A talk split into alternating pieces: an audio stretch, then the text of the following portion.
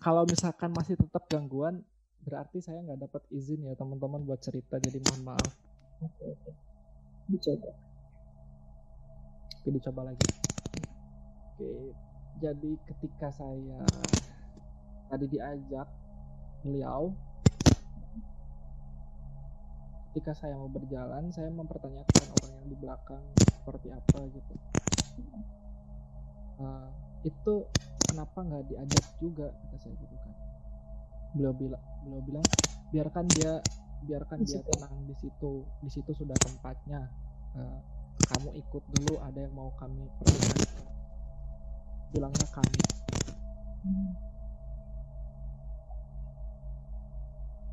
Wah. Wah bener-bener. Mbak denger gak? Nggak denger. Nggak kedengeran mas. Hilang langsung. Skip aja, skip, skip. Bagian itu skip. Yang bagian itu skip. Skip aja nggak apa-apa.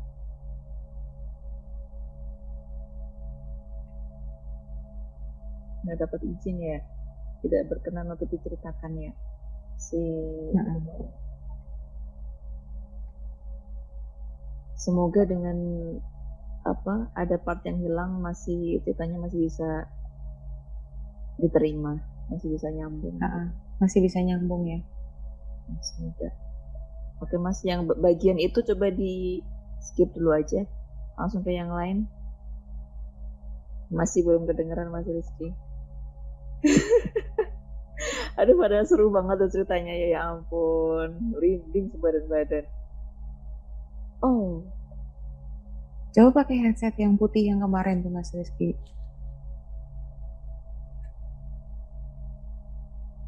Mas Rizky tuh bisa dengar suara kita Mbak Di. Tapi suaranya nggak bisa dengar kan? Ya?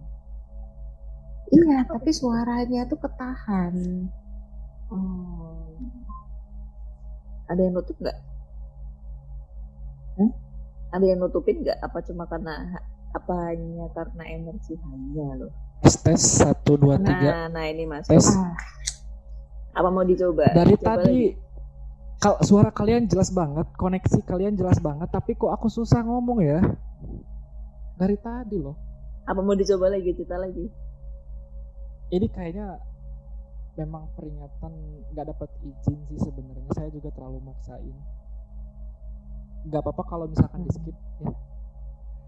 Nggak apa-apa cerita apa -apa. itu ini cerita yang biasa kalau teman-teman tahu Bang Awe itu pendaki gunung yang suka nyeritain hal mistis di YouTube itu subscribernya udah banyak banget mm-hmm. eh, hampir sama mm-hmm. pengalamannya dengan yang Bang Awe alamin gitu kan nah dan memang untuk cerita hal ini entah butuh apa gitu kan cuman mungkin saya belum siap aja dan belum benar-benar minta izin aja Hmm. Tapi intinya, hmm. intinya ada suatu hal yang tidak bisa digambarkan secara logis ketika saya diajak ke situ. Intinya seperti itu. Hmm. Dan itu membuat saya takjub juga dan mengerti kenapa masyarakat di situ mengadakan syukurannya di hari tersebut mm-hmm. di gunung itu saya mengerti juga oh ini alasannya oke okay, gitu kan dan, Alasannya apa tuh, Mas? Nah itu ada di cerita tadi, ada di part cerita tadi. Waduh. Ah, kita skip dulu lah karena memang agak menolak, agak ada tolakan sih gitu kan dari hmm. mungkin nyampe koneksinya ke sana. Tapi intinya hmm. itu intinya kalau teman-teman nah yang suka naik gunung di sini suka dengerin cerita Bang Awe intinya yang saya alamin seperti itu. Sampai pada akhirnya uh, saya terbangun di pagi hari. Sampai akhirnya saya terbangun di pagi hari. Ceritanya udah pagi hari lah ya. Hmm. saya terbangun sendiri di situ. Di depan saya nggak ada Rifki di samping kiri saya nggak ada Cahyo di samping kanan saya nggak ada si AA itu juga oke okay. uh, eh, lalu saya uh, langsung ke tenda ke tenda kita lah dan di situ memang udah ada Rifki yang lagi beresin tenda ada Cahyo yang lagi masak Hmm. buat sarapan. Oke, saya sarapan. Eh, kita sarapan.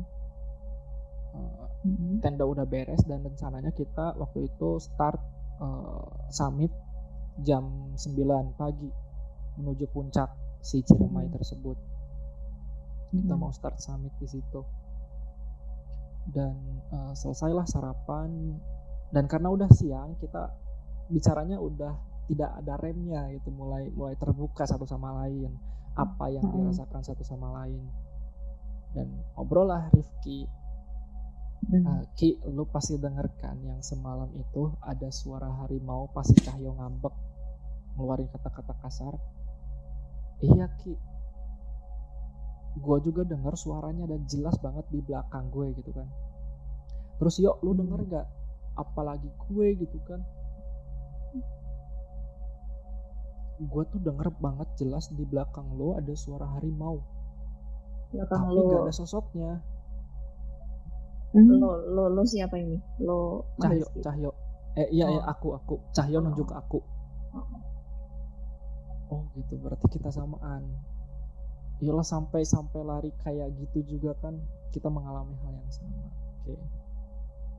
Terus lalu pada ada yang dilihat juga nggak selain, selain dan didengarin juga nggak selain itu? Ah, enggak sih gitu kan.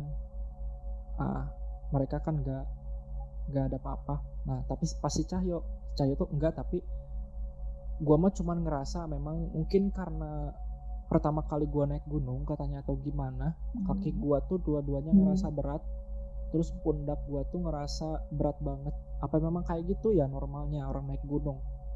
Terus aku bilang ah itu mah mungkin karena lu jarang olahraga kali gitu kan. Terus eh, memang juga Mm-mm. belum pernah naik gunung. Mungkin itu rasa pertama naik gunung. Tapi dulu gua nggak kayak kayak gitu sih. Itu malu doang kali. Ya aku bercandain kan tapi memang rasa rasa dia tuh katanya pundaknya sakit sama kakinya tuh berat banget buat dilangkahin. Nah Mm. si Cahyo itu. Sampai waktu itu dia ngomong ra- yang dia rasain sa- sama seperti itu. Tapi masih bisa jalan kan lo yo untuk summit naik ke puncak aku tanya kayak gitu bisa bisa bisa bisa katanya. Gue pokoknya pengen nyampe puncak. Ya udah kita nyampe puncak akhirnya kita packing Hmm. semuanya beres udah sarapan. Kita naik ke puncak. Oh ya aku mau nyeritain mimpi aku dan nyeritain apa yang aku lihat. Tapi aku tuh Hmm. ngerasa nggak berani gitu loh ngeras aku ngerasa mereka tuh masih ada di sekitar situ memperhatikan kita gitu. Jadi ketika aku mau Ah. menceritakan hal tersebut di waktu itu sama mereka nggak nggak berani aku tuh. Ya udahlah kita aku pendam aja dalam hati sendiri kita summit gitu naik ke puncak Ciremai. Akhirnya kita naik ke puncak Ciremai. Eh, Mm-mm. lumayan nggak terlalu jauh sih sebenarnya tinggal deket. Dan kita ngelewatin tuh si gua kelelawar bukan gua burung apa ya sih? Apa disebutnya gua apa sih?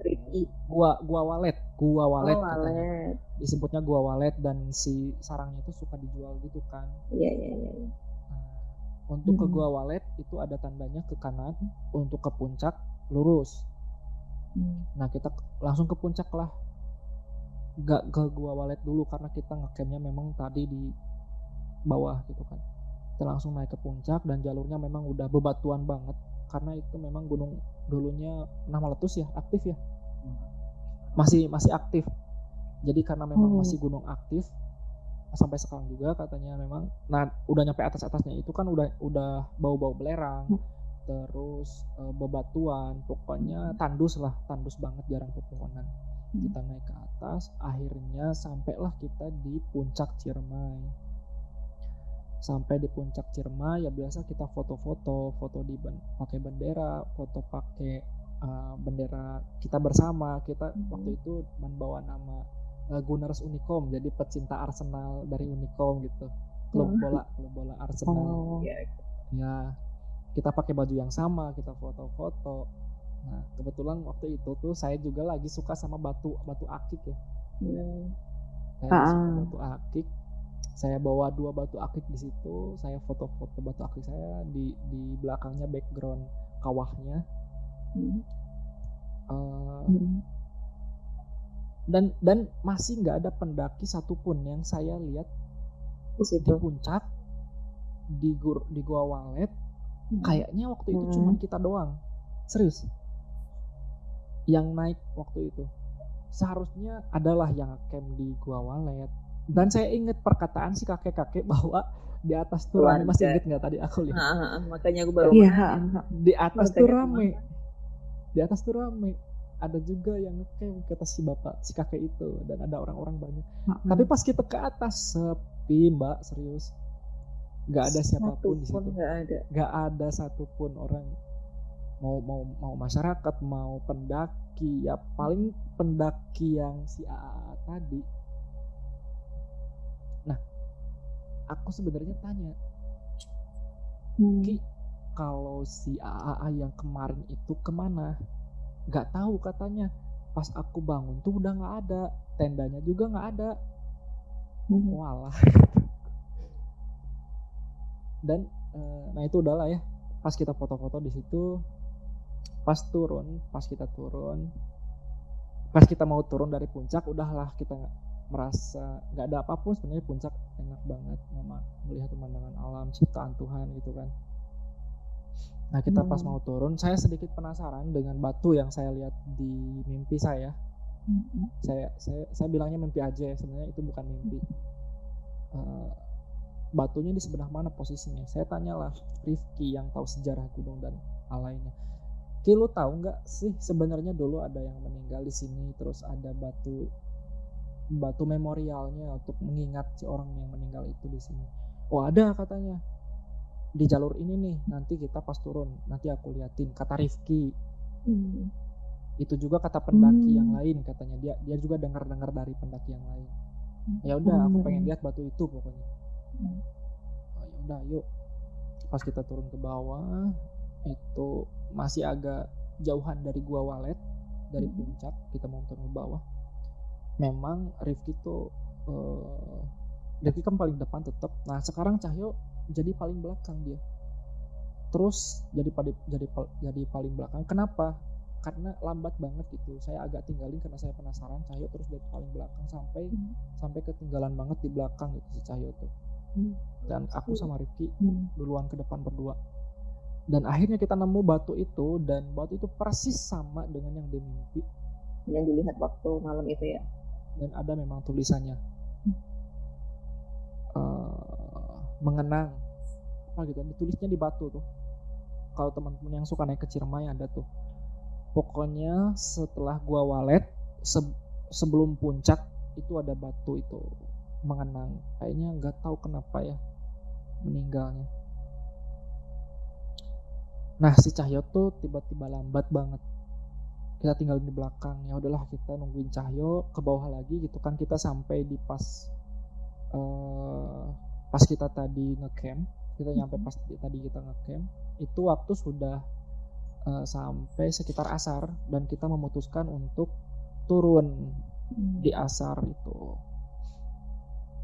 Hmm. Nah, ya. kebetulan di situ tuh kalau teman-teman tahu kan di situ di Ciremai itu nggak ada sumber air dan sumber dan air yang kita bawa itu tinggal satu botol dan satu botol itu pun nggak full 600 mili. perempatnya lah gitu ya. Hmm. karena kebanyakan yang minum tuh si Cahyo. Oh, dasar cahaya Hmm. ya. dan kita harus bener-bener menghemat air sampai bawah. Sampai bawah banget. Dan s- akhirnya si Cahyo dateng dengan muka yang eh, dia tuh kayak memang bener-bener kelelahan pucat banget mukanya mbak. Pucat banget pokoknya mukanya.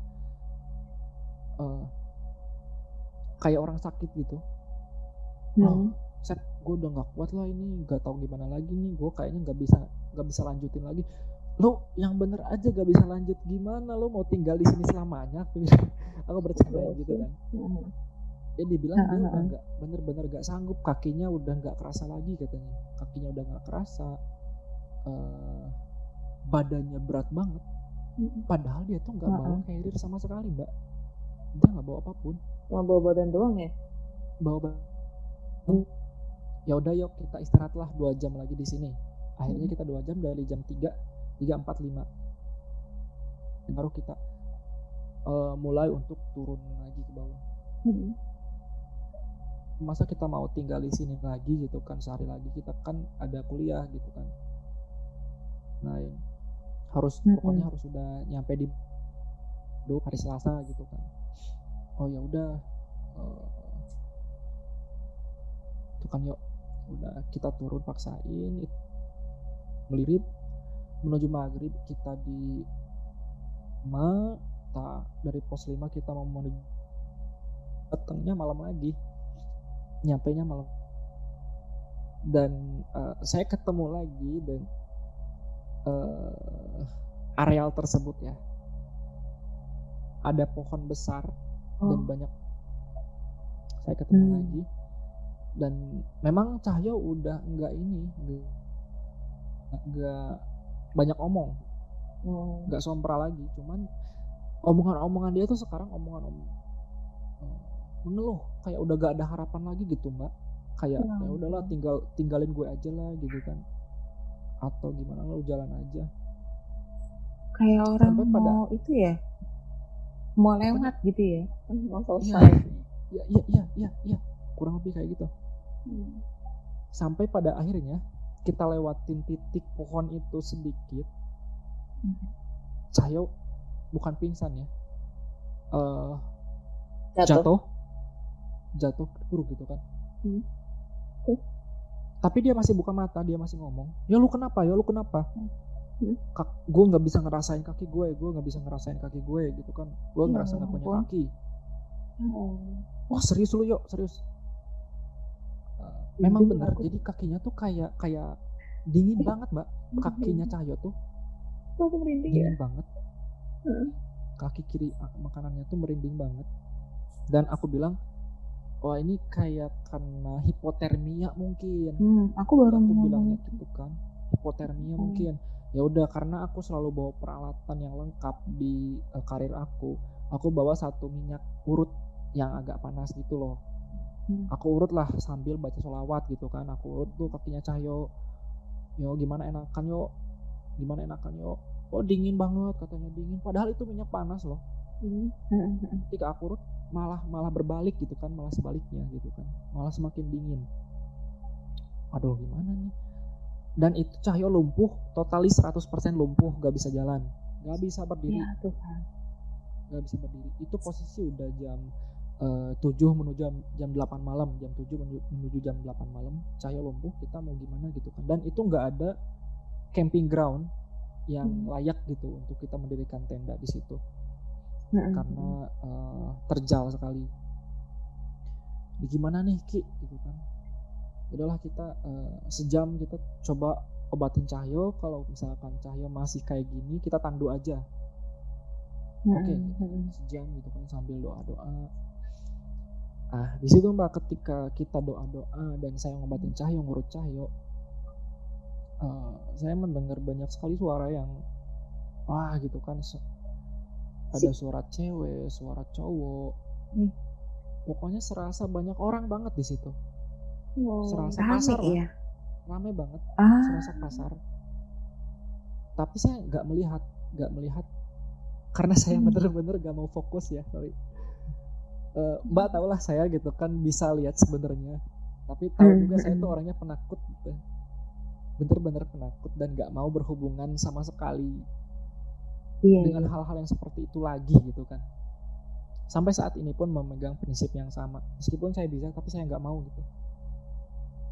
Uh, tapi waktu itu di nggak mau gemauin juga kedengeran terus suaranya gitu kan. Saya sedikit uh, main mata dengan Rifki. Ki gitu kan Ki istilahnya mak kayak denger nggak gitu kan. Kode. Hmm, Ha-ha, senang. Hmm. terus dia ngangkat tangan gitu doa doa doa Oh, dia juga dengar. ya ya Rifki juga dengar Oke, dan di situ Cahyo nggak bisa diem banget. Aduh, duh, sakit, kena sakit, sakit. Gua nggak bisa lagi. Tinggalin gua aja, kalian pergi aja, gitu kan. I- Ini, Ya ampun. Cahyo kenapa sih gitu kan? Jadi kita eh, semangatin terus Cahyo, semangatin terus Cahyo. Ayolah yo, jangan kayak gini, bla bla bla gitu kan. Nah kalau Rifki dia tuh lebih santai nyemangatinya. Kalau aku lebih ribet gitu, lebih lebih to the point kalau Rifki karena orangnya santai Hmm. dia tuh kayak bawa bawa bawa santai gitu lah nyantalah yo gitu kan lo bisa dan lain-lain kita semangatin terus Cahyo dengan pikiran-pikiran positif sambil kita juga sebenarnya agak takut dan merinding karena mendengar banyak sekali suara di Iya. areal tersebut. Uh, sampai uh, pas pas masih istirahat tersebut sambil mendengar suara-suara tersebut, saya saya sedikit melihat ke arah untuk kita turun. Itu kayak Hmm. ada kakek-kakek, tapi jelas gak jelas gitu. Uh, karena karena nggak disenterin ya dan saya juga gak mau senterin sebenarnya. Itu pasti bukan bukan manusia. Saya bilang ini pasti bukan manusia nih. Tapi saya sama mirip nggak sih kayak kakek-kakek yang pertama? iya mirip banget mirip banget. Aduh merinding nih saya. Tapi posisinya nggak jauh. Kelihatan siluet siluet. Tapi siluetnya siluet kakek kakek gitu kita dari jauh gak jelas juga Dia posisi naik. dia kayak apa ya posisi turun jadi dia tuh Oh. kayak buka jalan kita buat turun gitu loh mbak kayak ke sini loh Heeh. jalannya dek gitu kayak gitu nggak ngerti gak sih Iya iya iya. kayak Iya iya. eh, jadi gerakan tubuhnya tuh mengisyaratkan bahwa sini lo ikut gitu cepetan Hmm. turun cepetan turun seperti itu jadi Hmm. kebaca juga sama eh, hati saya gitu kakek itu Hmm. menurut kita untuk cepat turun dan saya alhasil ngomong sama Rifki Ki ini nggak bisa lama-lamain di sini kalau kita lama-lamain di sini Cahyo semakin nggak ketolong kita nggak bisa ngapa-ngapain juga kalau Cahyo udah kenapa-napa pokoknya kita Iya. harus turun kita harus tandu Cahyo sekarang juga gitu kan menuju ke bawah Ah. Hmm. aku langsung bilang tegasin sama Raffi kayak gitu ya udah yuk. Akhirnya. Itu sambil saya bawa dua carrier. Sambil saya nandu Cahyo. Hmm. nandu nandunya kayak gini ya. Jadi eh, Hmm. saya sebelah kanannya Ricky sebelah kirinya. Hmm. karena dia bener-bener gak bisa jalan. Ditopang gitu. Topang gitu. Oke kita topang tuh kan. Berat banget memang Cahyo nih. Berat gitu kan. Sampai suatu saat saya juga merasa mentalnya kena mbak. Hmm. Eh, merasa mentalnya kena tapi tenaga saya masih ada sebenarnya. Oh iya air Hmm. sudah habis. Air bener-bener habis. Air bener-bener habis. Ya. situ air air bener gak ada air. Eh, tapi saya dari kejauhan samar-samar terus melihat sosok kakek itu untuk ayo cepet loh gitu kan. Sini loh gitu kan. Dia nengok-nengok nggak? gitu. Nggak nengok dia. Cuman eh, kayak tangannya di, di belakang tuh gini. Gini loh. Oh. Oh, kasih Ini kode. Ya eh, kayak gitu. merinding. kayak gitu. Sini loh gitu kan. Saya tuh ketika lihat kakek kakek itu ngerasa oh pokoknya harus turun pokoknya harus turun gitu kan. Ngerasa semangat buat turun gitu kan. Tapi mental saya juga kena.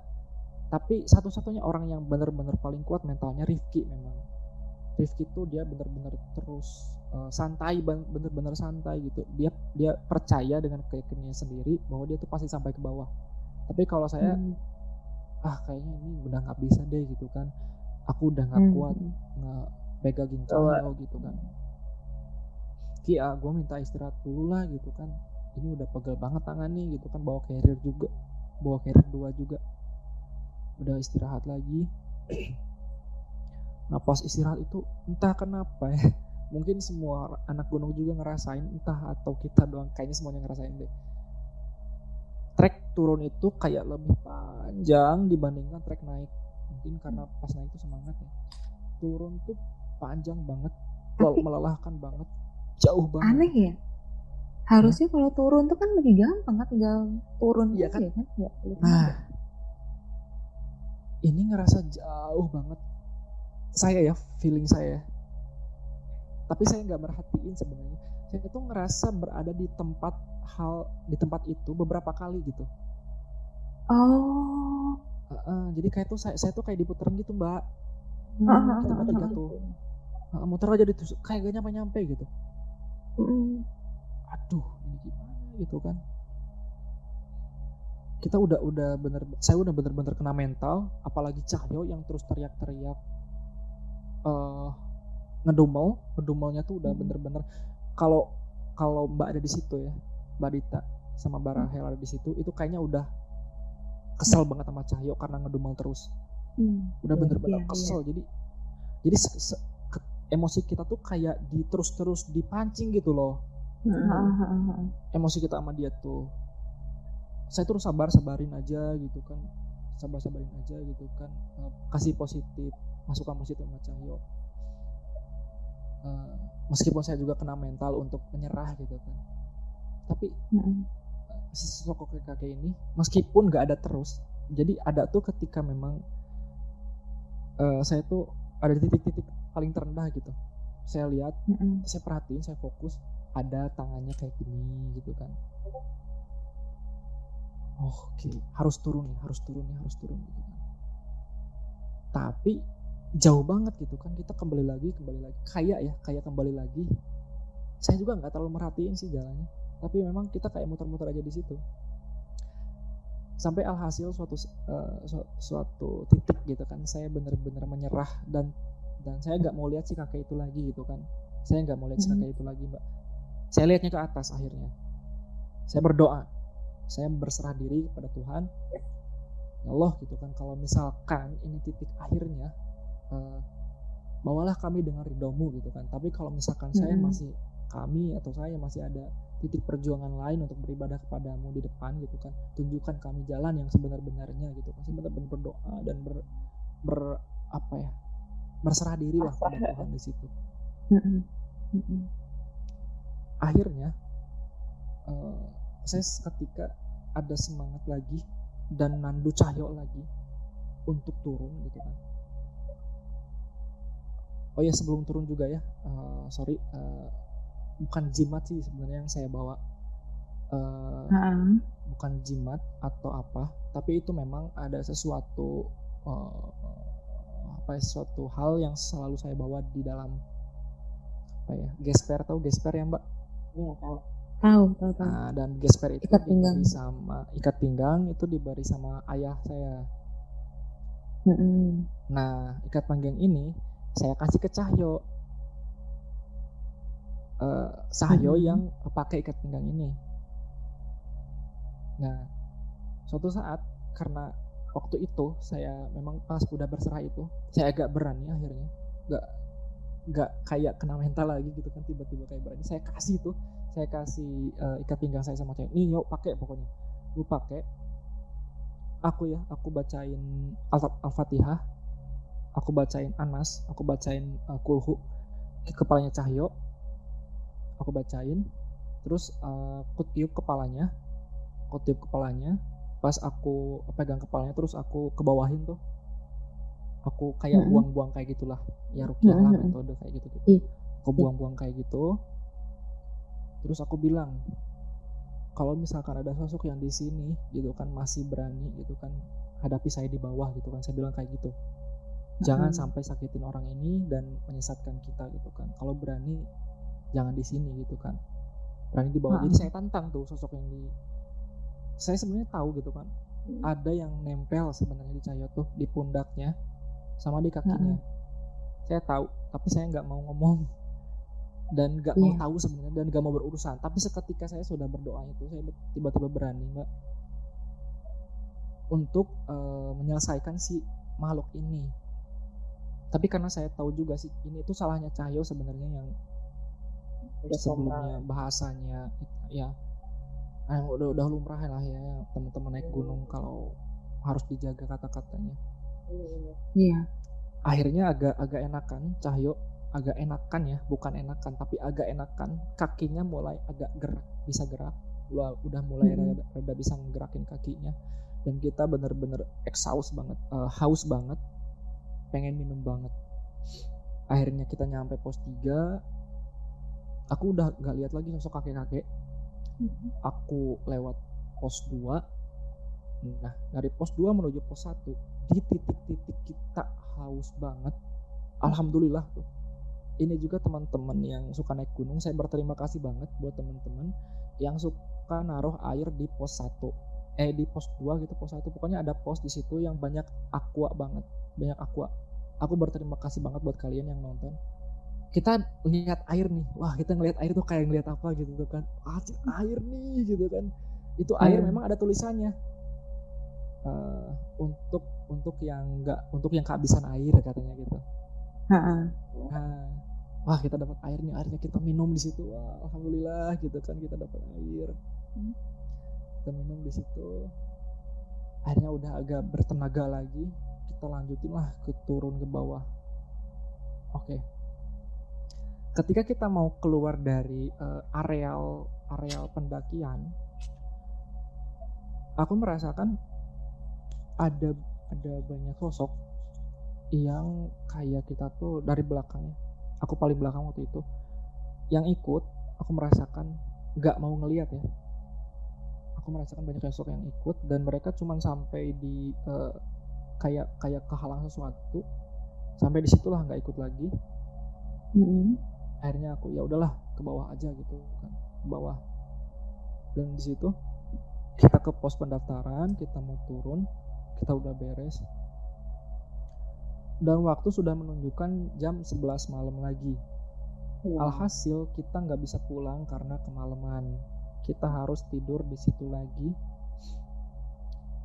Dan eh, pas aku ngecek motor mbak anehnya lagi. Hmm. aku ngecek motor. Motor Cahyo dan motor aku kempes bannya dua-duanya. Gak tau ada yang kempesin ya gak tau apa. Pokoknya kempes Ah. dua-duanya dan kita nggak bisa pulang. Maksudnya nggak bisa ke bawah. Mm-mm. Tapi Eh, emang, disuruh di situ dulu ya. iya kayaknya Terus terus. pokoknya motornya tuh kempes nggak bisa ke bawah Mm-mm. tapi aku tuh hati aku tuh bilang kita tuh nggak boleh di sini lama-lama loh kita tuh Cahyo tuh nggak Hmm. bisa di sini lama-lama kita tuh nggak bisa di sini pokoknya kita harus turun kita harus cari tempat aman dan menurut saya menurut saya sendiri tempat aman itu kalau kita mau istirahat kita tidur di masjid. Oh Serius, iya waktu itu- benar. waktu itu benar. Hmm. waktu itu pikiran saya kayak gitu kita harus tidur di masjid pokoknya. Jangan di sini jangan di sini. Ini masih areal pergunungan dan akhirnya dong mbak kita itu motor kempes dipaksain turun ke bawah cari Hmm. masjid. Motor kempes eh, waktu itu jam setengah 12 malam turun ke bawah kita. Turun ke bawah. Itu masih oh, suasana masih gak enak banget merinding dan lain-lain kayak kita tuh bener-bener ditarik buat ke buat tetap di situ Di gitu kan situ. Mm-mm. maksain lah kita pokoknya dengan wah pokoknya harus benar-benar di bawah. Akhirnya kita nyampe lagi di perkampungan warga dan perkampungannya masih kosong masih nggak ada siapa-siapapun yang bisa kita cari pertolongan gitu atau apa. Warung pun nggak ada warung pun nggak pada buka. Dan kita lihat satu masjid kita lihat satu masjid kita langsung parkirkan motor kita di masjid alhasil kita ke situ kita wudhu Hmm. uh, yang belum sholat kan ada kalau saya udah sholat sholat dulu tidurlah di situ langsung kita tidur di masjid Hmm. uh, sampai-sampai kita dibangunin sama orang masjid yang mau azan subuh Hmm. Uh, bangun bangun Hmm. katanya Mm-mm. bangun bangun katanya Uh, Iya. udah subuh ya udahlah kita sholat subuh dulu. Oh ya pas bangun sholat subuh dan kita kepikiran langsung pas pagi itu alhamdulillah tuh mbak pas udah tidur di masjid kita udah berdoa dan lain-lain nggak ada gangguan apa pun kita udah ngerasa normal. Dan alhamdulillah pun Cahyo Cahyo tuh tiba-tiba kakinya tuh biasa lagi bisa jalan lagi. Nggak ngerasa gimana gimana gitu. nggak ngerasa apa-apa lagi gitu pas kita tidur di masjid.